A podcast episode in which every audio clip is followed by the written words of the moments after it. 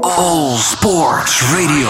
De heren en dames van het veldrijden reden dit weekend hun wereldbekerwedstrijd in Flamville. Bij de vrouwen werd het een Nederlands feestje, maar bij de mannen ging de Belg Isabert er met de winst vandoor. Eh, We blikken terug op de wereldbekerwedstrijd met wielerjournalist Daan van den Berg. En voordat we dat gaan doen, Daan, vind ik toch eventjes leuk. Um, All Sports Radio bestaat in januari 10 jaar.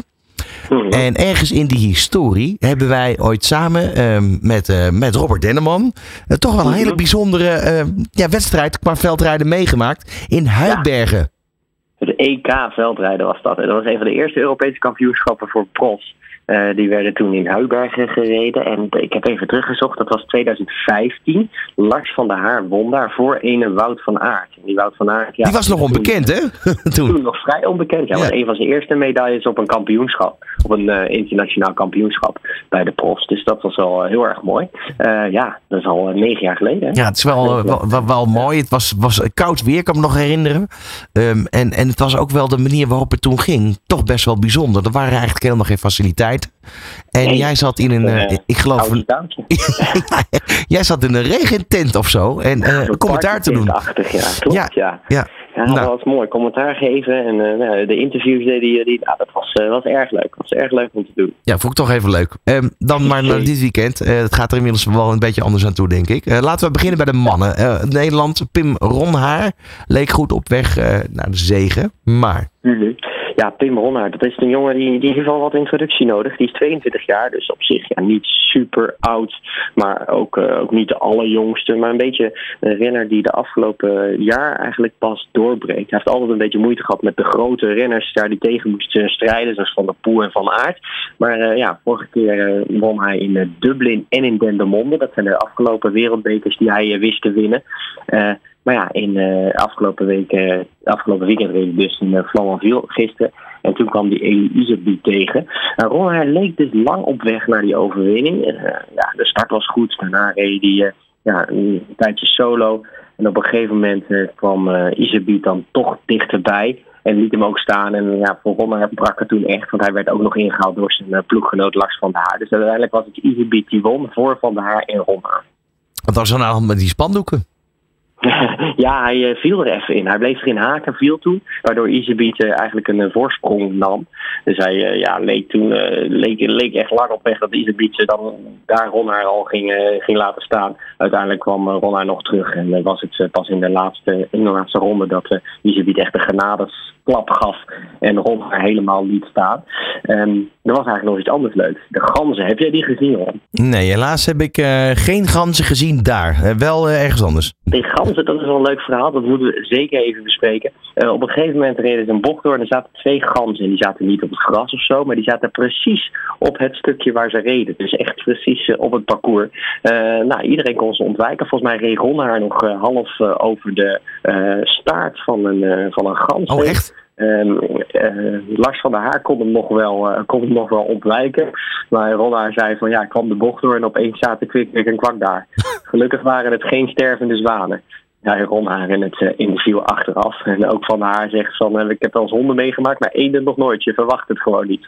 Maar ja, ze kunnen er ook niks aan doen. Nee. Dus uiteindelijk was het vooral even grappig. Maar goed, het is en blijft natuurlijk een wedstrijd in de natuur, zeg je dan hè? Ja, zeker. Veel mensen gaan ook met een hond naar het veld rijden. Het is ja. echt vaak in een bos en zo. Dat gebeurt wel eens dat een hond in één keer losschiet en het veld inrent. Maar ganzen, ja, die houden zich vaak wel een beetje uh, afzijdig. Uh, omdat er natuurlijk ook al veel publiek staat. Ik vind het een beetje een soort van het uh, schaatsen, zoals we in Tialf kennen, van het wielrennen wat dat betreft, het veldrijden. He, met, uh, met al die uh, gezellige fanfares en zo, die zijn er nog steeds?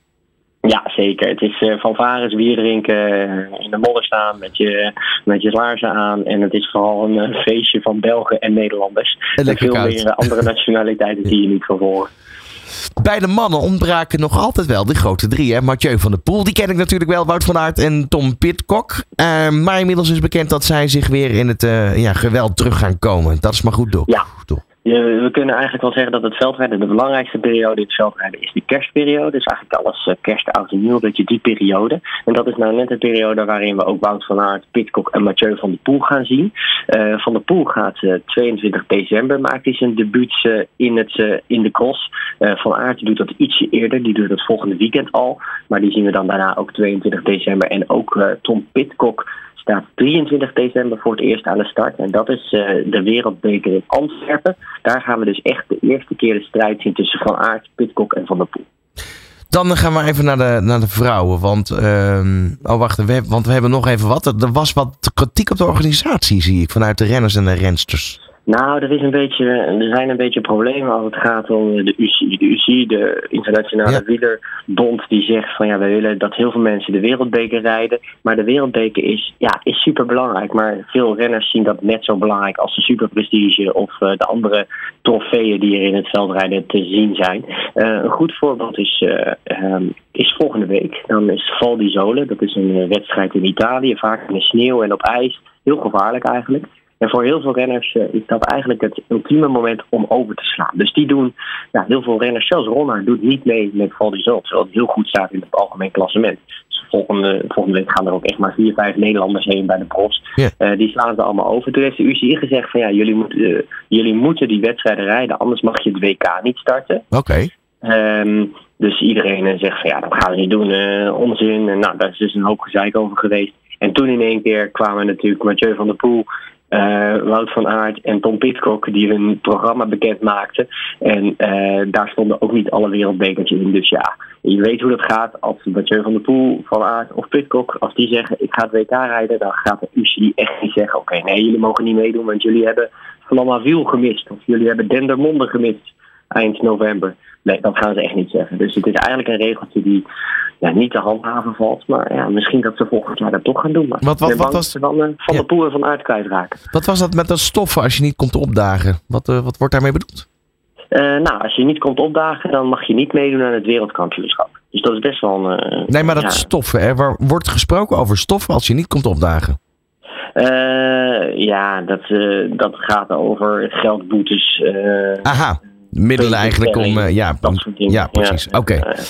Goed, nou dan gaan we nu maar even naar de vrouwen. Want Brandt die maakt haar eh, favoriete rol weer eh, waar bij de vrouwen. Ik kan me nog heel erg herinneren dat ik haar gesproken heb. En ik denk dat dat ook alweer een jaar of acht geleden is. Toen was zij nog vrij onbekend. Maar ze gaat maar door. Ja, ze is eigenlijk van huis uit wegwielrenster en is toen uiteindelijk veldrijdster geworden. En dat doet ze nu eigenlijk zo goed dat het veldrijden ja.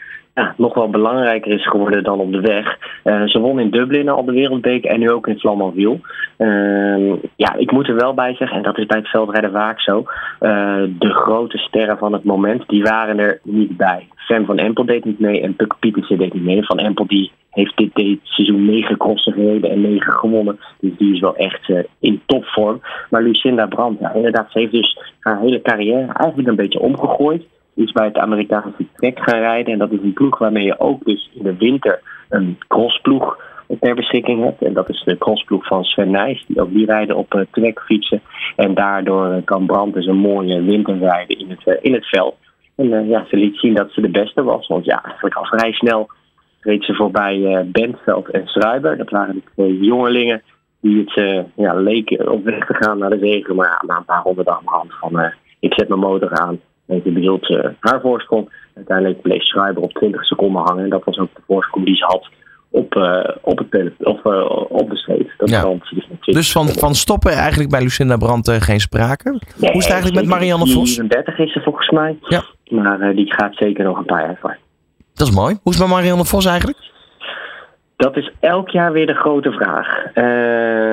Uh, ja, voorlopig uh, is ze nog niet in het veld te zien. Maar ik gok dat ze wel weer haar wedstrijdjes uit gaat kiezen. En gewoon weer een paar wedstrijden in het veld gaat rijden. Want ja, bovenal is uh, Marianne Vos vooral een grote liefhebber van de sport. Dus die gaan we zeker nog in het veld zien. Maar wanneer precies, dat weten we nog. Nee. Nou, Daan, hartstikke mooi voor nu in ieder geval.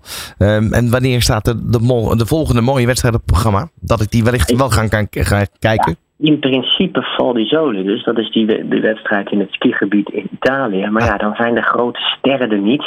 Dus als je echt de grote sterren wil zien, zou je even nog moeten wachten tot 22 december. Want dan uh, gaan we ze allemaal zien in de Wereldbeker in Antwerpen. Staat genoteerd. Dankjewel voor nu, Daan van den Berg. Alle sporten van binnenuit. All Sport Radio.